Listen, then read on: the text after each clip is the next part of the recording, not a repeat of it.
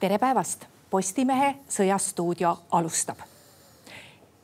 viimaste päevade Ukraina sõjaülevaadetest on mõneti läbi käinud, nagu oleksid ukrainlased pisut Dnepri jõe idakaldal liikuma saanud ja kuuldavasti olevat neil seal kasutada isegi rasketehnikat.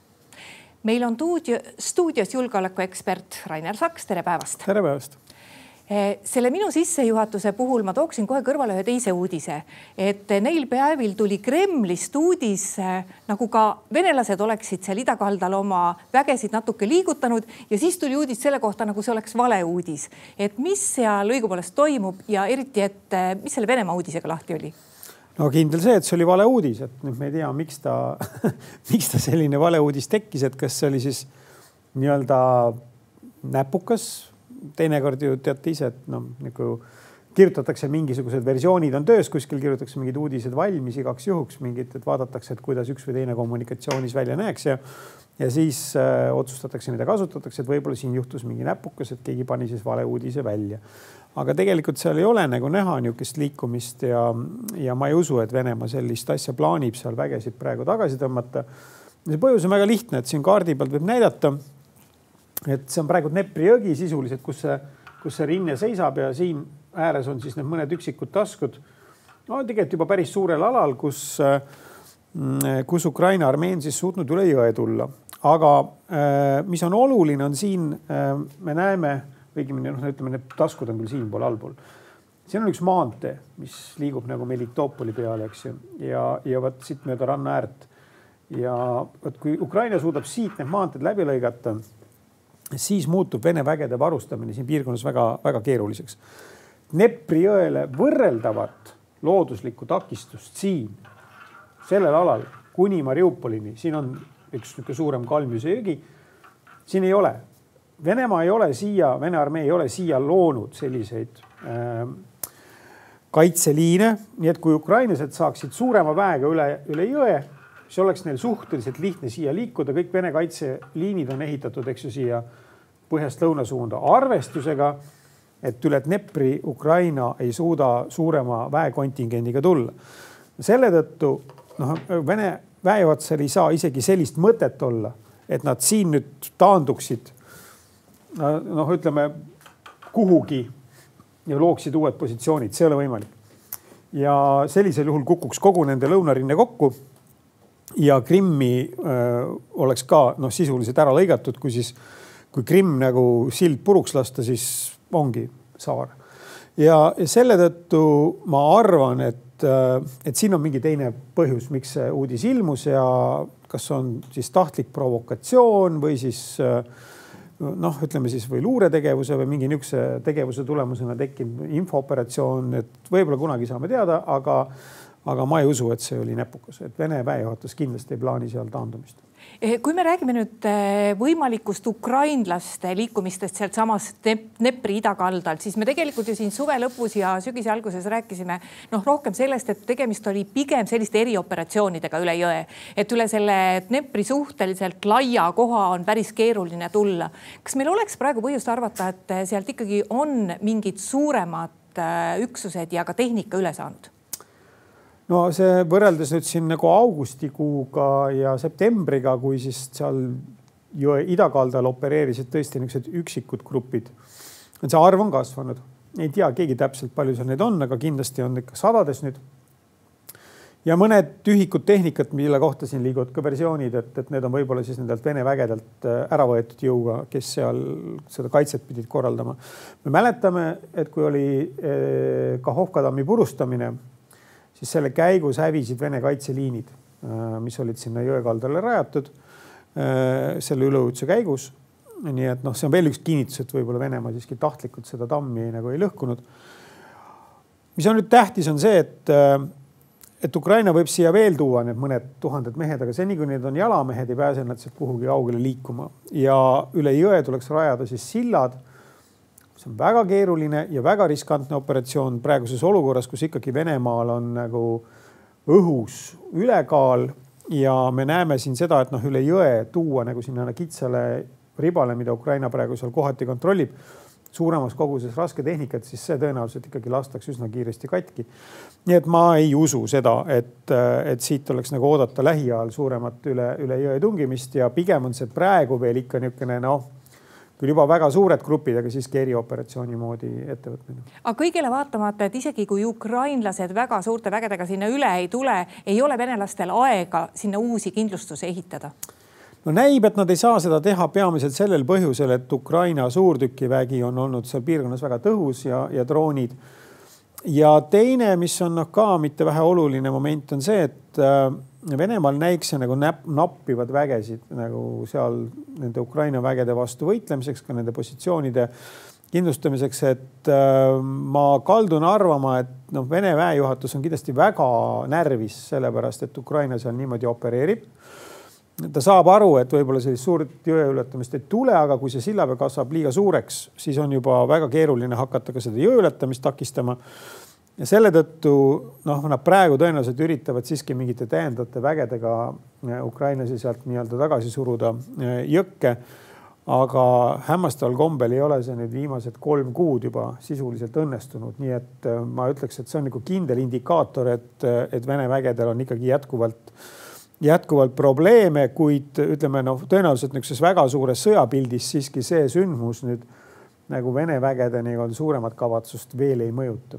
no kui me läheme oma jutuga nüüd sinna Avdiivka kanti, siis veel eelmise nädala alguses või no kusagil eh, nädalapäevad tagasi käis aeg-ajalt läbi eh, ka selline uudis, kuigi venelased seal erinevat intensiivsust näitavad ja korraks oli ka meedias uudis, et noh, nagu ukrainlased tõmbaksid ennast sealt välja, et seal on ümberpiiramise oht. tänaseni ei ole seda juhtunud, aga ometi venelased on seal suhteliselt aktiivsed Nad on aktiivsed ja väga vastuolulist infot tuleb rindelt peamiselt selle tõttu, et äh, kuna Ukraina pool ei avalda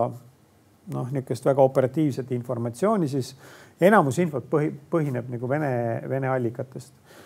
ja noh, loomulikult äh, on seal ühtepidi Vene allikates kindlasti soovi näidata olukorda natukene paremini, kui ta võib-olla on, mitte kõik Vene allikad ei ole sellised, on ka niisugused võib-olla, kes on hüperkriitilised kohati aga põhiline põhjus, miks seal ei ole nagu võib-olla see info on väga-väga täpne või väga raske tajuda seda tegelikult olukorda, on see, et see olukord siiski ka nagu see rindejoonootus muutub, et et ei ole niimoodi, et ainult Venemaa pressib edasi, vaid nad äh, tungivad edasi, kaotavad ja siis ka Ukraina teinekord taastab oma positsioonid või siis ka Ukraina on kohati vähe aktiivsem olnud kui Vene pool, et, äh, et ta ei ole niimoodi, et ukrainlased on totaalse surve all. Ja selles mõttes ma ei ole nagu päris nõus sellega, kes ütlevad, et et nüüd Venemaa on haaranud seal kogu Bahmuti ja Donetski piirkonnas totaalse initsiatiivi, nad ikkagi püüavad veel võtta seda initsiatiivi, see ei ole neil päriselt käes. ja Ukraina korraldab vasturünnakuid. ja tegelikult ei ole Venemaa positsioonid siin oluliselt edasi nihkunud sinna lääne poole, et me näeme siin võib-olla ühest punktist Avdiivkast põhja pool on Vene väed suutnud õige pisut e-, edeneda kogu selle noh, peaaegu neljanädalase kampaania jooksul nii et ma ei ütleks, et siin on mingisugust väga suurt progressi, aga ma möönan ka seda, et ukrainlaste kommunikatsioon on läinud natukene, natukene närvilisemaks, kui ta siin oli, et, et ega see olukord neile muidugi kerge ei ole, see ei ole mugav. Eh, vaat huvitav eh, fakt on see, et kui sõja algusest peale me ju põhiliselt läbi Ukraina meedia ja, ja Ukraina kaitsejõudude teavituse teame, kui palju võib olla hukkunuid venelaste poolel ja kaotusi, just inimkaotusi, siis ukrainlased oma kaotusi teatavaks teinud ei ole. aga nüüd neil päevil on lääne meedias siiski välja käidud ka numbrid Ukraina kaotuste kohta. kas, kui suured need on ja kas nende sellesse, nendesse numbritesse võib nagu tõsiselt suhtuda või kas neid võib uskuda? No see suurusjärk tundub noh, loogiline, ütleme siis niimoodi, ma ei saa öelda, kas ta on usutav või ei ole. mäletame siin äh, kuskil äh, eelmise aasta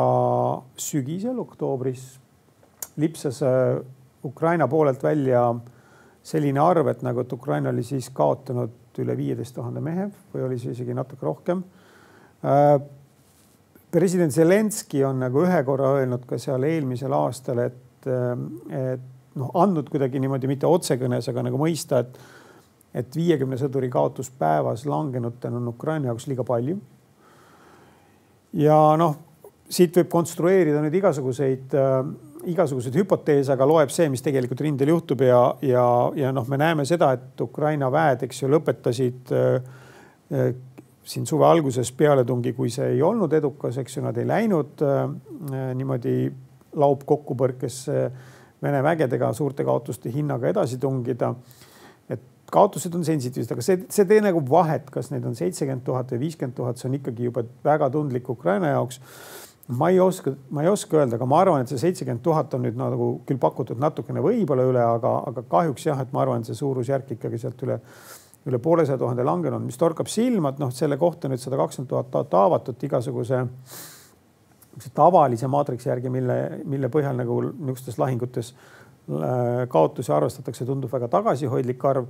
aga ma ei tea, kas siin on mõeldud seda, et nüüd see kakskümmend tuhat neist kindlasti noh, Ukraina poolel on teada, et väga paljud haavata saanud siiski suudavad ka tagasi pöörduda normaalse elutegevuse juurde, et see arvestus, mis oli seal Economistis äh, esitatud, see põhines mingisugustel tööjõuturu näitajate kaudsel arvesse võtmisel. et noh, palju neist, kas need on nüüd siis need haavatud, kes pole suutnud teenistusse naasta või, või tsiviilellu ja on siis nii-öelda ülalpeetavad või sellest ma nüüd väga täpselt aru ei saanud no lääneriigid õnneks eh, teatavad ja praegugi on tulnud üks selline järjekordne teade, kui palju sõdureid jälle kusagil lääneriigi poolt välja õpetatakse. praegu vist Prantsusmaa viimati teatas siin täiendavate Ukraina sõdurite väljaõpetamisest.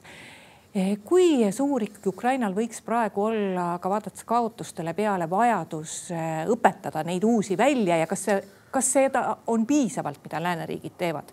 ja mida nad ka ise suudavad välja õpetada? no kui me arvestame nüüd sellega, et noh, Vene armee suuruseks on hinnatud nelisada nelikümmend tuhat umbes seal Ukrainas. See tegelikult hõlmab ka neid vägesid, mis on siis paigutatud siia äh, Krimmi territooriumile, et see ei ole ainult need, kes on siin kontaktjoonel, vaid ka Krimmis ja siis siin põhjas. et kõik kokku, äh, siis äh, no ma arvan, et esiteks ei pea see olema üks-ühele võrdlus, et kuigi räägitakse siin kolm-üks ülekaalust, eks ju, et oleks, et pealetungile, siis ma arvan, et see sõda nagu neid arusaamisi on muutnud natukene, et see ei ole päris selline klassikaline kalkulatsioon, et siin loevad mingid muud elemendid. Äh, ja loeb ikkagi see, et kas sa suudad selle ülekaalu lüüa, luua siis mingil kitsal lõigul, kus sa tahad pealetungi äh, korraldada. aga kindlasti on Ukraina armees vähemalt sama palju mehi, selles ei ole põhjust kaelda ja miks on neid vaja läänesalli õpetada, see on mitte ei ole sellepärast tingimata, et see väljaõpe on seal niivõrd palju parem, ta kindlasti ka noh, mingites elementides kindlasti ka on väga hea väljaõpe, ma ei ütle ka selle kohta midagi. küsimus on selles, et Ukraina enda taristu ei, ei võimalda sellist mehi korralikult, korralikult noh välja õpetada, puudu on instruktoreid, puudu on noh, ohutuse mõttes juba kasvõi on seda palju kergem teha nagu kohtades, kus Vene armee ei ründa. et ei ole neid riske, ei ole vaja jälgida kõiki neid reegleid nagu niivõrd punktuaalselt, mis teeb selle logistika keerulisemaks ja nii et selle tõttu noh, need numbrid, mida läänes välja õpetatakse, kindlasti Ukraina vaates võiks olla suuremad. minu arust on siin eriti noh, suured äh, Euroopa riigid on küllaltki tagasihoidlikud olnud, aga, aga noh, Hispaania, Suurbritannia, Saksamaa, Rootsi äh,, siin mõned teised riigid veel, Poola ka on ikkagi teinud väga suuri pingutusi, et neid sõdureid välja õpetada ja no ega see ei ole kellelegi nagu kerge lisakoorem, et äh, on nagu on. räägime Iisraelist ka, et äh, Iisraeli armee on ise teatanud, et nad on hakanud äh, üha sügavamale Gazasse tungima ja nad on saavutamas kontrolli Gaza, ma saan aru siiski põhjaosa üle, mitte terve Gaza sektori üle. aga kui palju me päriselt teame, mis seal Gaza sektori sees või seal põhjaosas, kus need, kus need kõige ägedamad lahingud on, et mis seal toimub? jah, ega siin siit kaardi pealt nüüd seda Gazat näidata ei saa, see on mattunud siia nende tingmärkide all, aga et ei paistagi välja, aga äh, põhimõtteliselt on Iisraeli armee lõiganud Gaza sektori kaheks. ja siis äh, lõuna pool on siis nagu selline tsoon, kus need äh, Iisraeli õhurünnakud ei ole niivõrd tihedad, kuigi sinna on tehtud neid rünnakuid.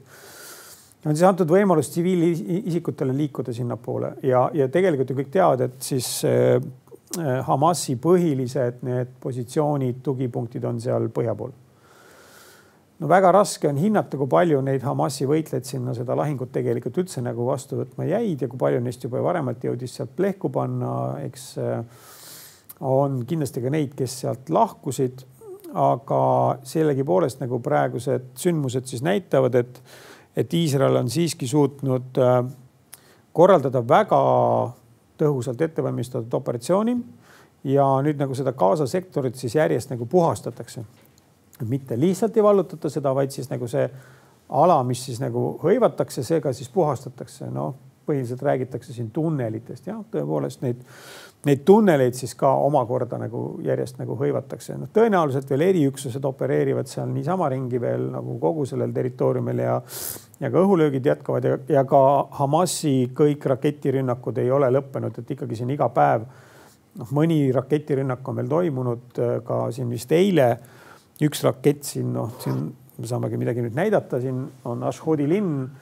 on siin Tel Avivi ja Gaza vahel niisugune suurem asula, et äh, seal üks rakett kukkus eile ka siis ühe, ühe hoone peale, mis läks nagu põlema, aga noh, tegelikult äh, need raketirünnakud enam Iisraeli mingisugust nagu ohtu või nagu tõsist probleemi ei valmista, et nad on ikkagi, on see Hamasi see võimekus on praeguseks nagu lõppenud. ja no võib arvata, et kui Iisrael selle Gaza põhjaosa niimoodi siis sellisel kujul ära puhastab, ma ei tea, kaua see aega võtab, noh, paar nädalat vast veel kindlasti.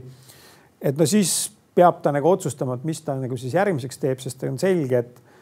et kogu Hamasi võimekust sellega nagu ei ole tegelikult likvideeritud ja eks siis tuleb, eks nad seda olukorda siis üritavad hinnata.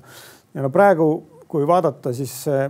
põgenike vool, mis sealt põhjast nüüd läheb lõuna poole, nüüd inimesed, kes siis nagu äh, ei läinud enne selle Iisraeli maavägede rünnaku algust sealt ära, vaid siis on nüüd nagu kasutanud seda Iisraeli armee loodud humanitaarkoridori. no siin hinnanguliselt üle kaheksakümne tuhande inimese on, on lahkunud. Eh, enne seal piirkonnas elas ikkagi miljoni kanti. palju sealt siis enne läks ja palju sinna alles on jäänud, noh, mina ei oska seda nii täpselt hinnata, aga aga praegu tundub, et nagu mingisugust niisugust massilist tsiviilelanike nagu tapmist ei ole ka nagu aset leidnud, kindlasti neid hukkunuid on ja põhjust kahelda. ja, ja kindlasti ohvrit tuleb veel, et selles, see on kahjuks ka tõsi, aga, aga nagu sellist äh, noh, nagu täiesti, täiesti arulagedat majade puruks pommitamist nagu üle kogu selle Gaza sektori pole ka toimunud. no Iisraeli armee on ise teatanud, et neil on langenud Gaza lahingutes nelikümmend kuus sõdurit, see tundub jah. ääretult väike arv. eilse seisuga, jah. ja et, et kas see näitab seda, et ikkagi erilisi lahinguid seal ei ole või seda, et Iisraeli sõjavägi on lihtsalt väga osav? Mõlema, no tegelikult see, et lahinguid ei ole, ongi see, et Iisraeli sõjavägi siiski nüüd noh, ütleme peale seda, mis on ikkagi see, kui me nüüd räägime selle konflikti alguses on ikka täielik läbikukkumine, et seda ei tohi kunagi ära unustada, et selles mõttes on see Iisraeli mitte armee niivõrd, aga kogu see süsteem ja alates peaministrist kuni siis nendeni, kes pidid seda kõik seda nagu ette nägema, ette nägema ja seda, seda nagu kohustust täitma, et siis ei saanud oma ülesandega ilmselgelt hakkama, et siin ei ole nagu üldse vaidluse kohta. et see ongi tegelikult see ainukene suur õnnestumine, mis Hamasil nagu selles oli eh, kogu selles kampaanias ja, ja need raketirünnakud ka ikkagi alguses valmistasid Iisraeli peavalu, kuid Iisrael on suutnud selle olukorra stabiliseerida. ei ole see sõjategevus laienenud mujale nagu sellisel kujul, et ta valmistaks Iisraelile nagu väga tõsiseid probleeme ja mis ikkagi kõige tähtsam on see, et et, et noh, nüüd ongi nagu mõttekoht, et noh, seda operatsiooni ei ole võimalik planeerida nii hästi nagu lühikese aja jooksul, tähendab, see luureinfo pidi ikka väga hea olema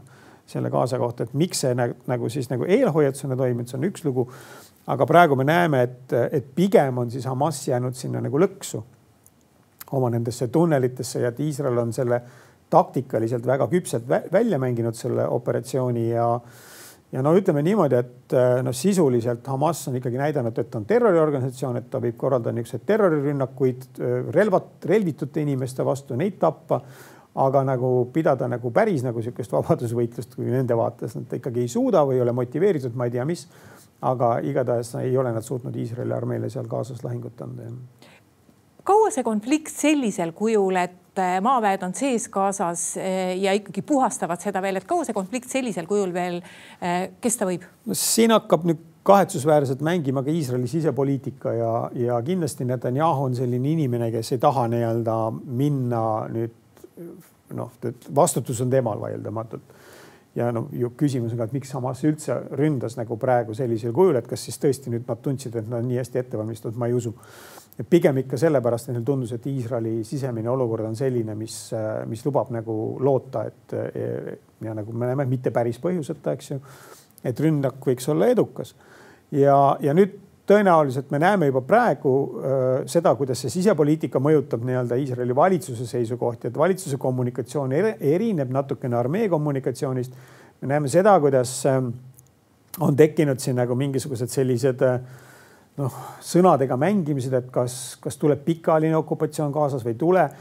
ma olen täiesti veendunud, et Iisraeli armee ja ka poliitikud saavad aru, et pikaajaline Gaza okupeerimine on kõige halvem mõte, mida Iisrael üldse teha saab. nii oma jõukasutused, sa võid võita selle sõjalahingu, puhastada territooriumi ära, aga korda hoida seal niimoodi, hoidki poliitilist protsessi korraldada. Iisrael tõenäoliselt mitte kuidagi ei suuda ja see muutub neile tohutuks koormaks ja, ja tegelikult need nagu Iraagi puhulgi USA ründas, võttis territooriumi kontrolli alla, aga langenud hakkasid tulema alles mõne aja pärast siis kui läks nagu sissisõjaks. ja, ja see on nagu see, mida ma arvan, et noh, kõik terve mõistusega Iraagi või vabandust, Iisraeli, Iisraeli poliitikud, eks ju, sooviksid vältida. aga nüüd tekib siin nagu tahtmine siis näidata, et me oleme nüüd nagu siis nii-öelda sellest jõupositsioonilt nagu Iisraeli julgeolekut edasi kehtestama, niisugune sisepoliitiline konkurents. ja noh, Netanyahu muidugi DNA-ga oleks nagu see, et ajada niisugust väga jõulist asja edasi noh, ma arvan, et, et see praegune faas, mida me näeme, et siin kestab veel mõne nädala võib-olla, seda on väga raske ennustada. noh, praegust tempot vaadates siis tundub, et see paar nädalat tundub loogiline, võib minna kauem, võib ka kiiremini minna, ma ei tea. Aga mis sealt edasi saab, et seda mina ei oska küll praegu ennustada, et kindlasti ka teised riigid survestavad Iisraeli, et nad kuidagi kehtestaks ikkagi võimalikult kiiresti mingisuguse relvarahu ja, ja et siis hakataks kuidagi seda olukorda teistmoodi normaliseerima aitäh, Rainer Saks tulemast stuudiosse. palun. ja aitäh ka kõigile neile, kes meid vaatasid. Postimehe järgmine otsesaade on eetris juba homme. seniks lugege uudiseid postimees.ee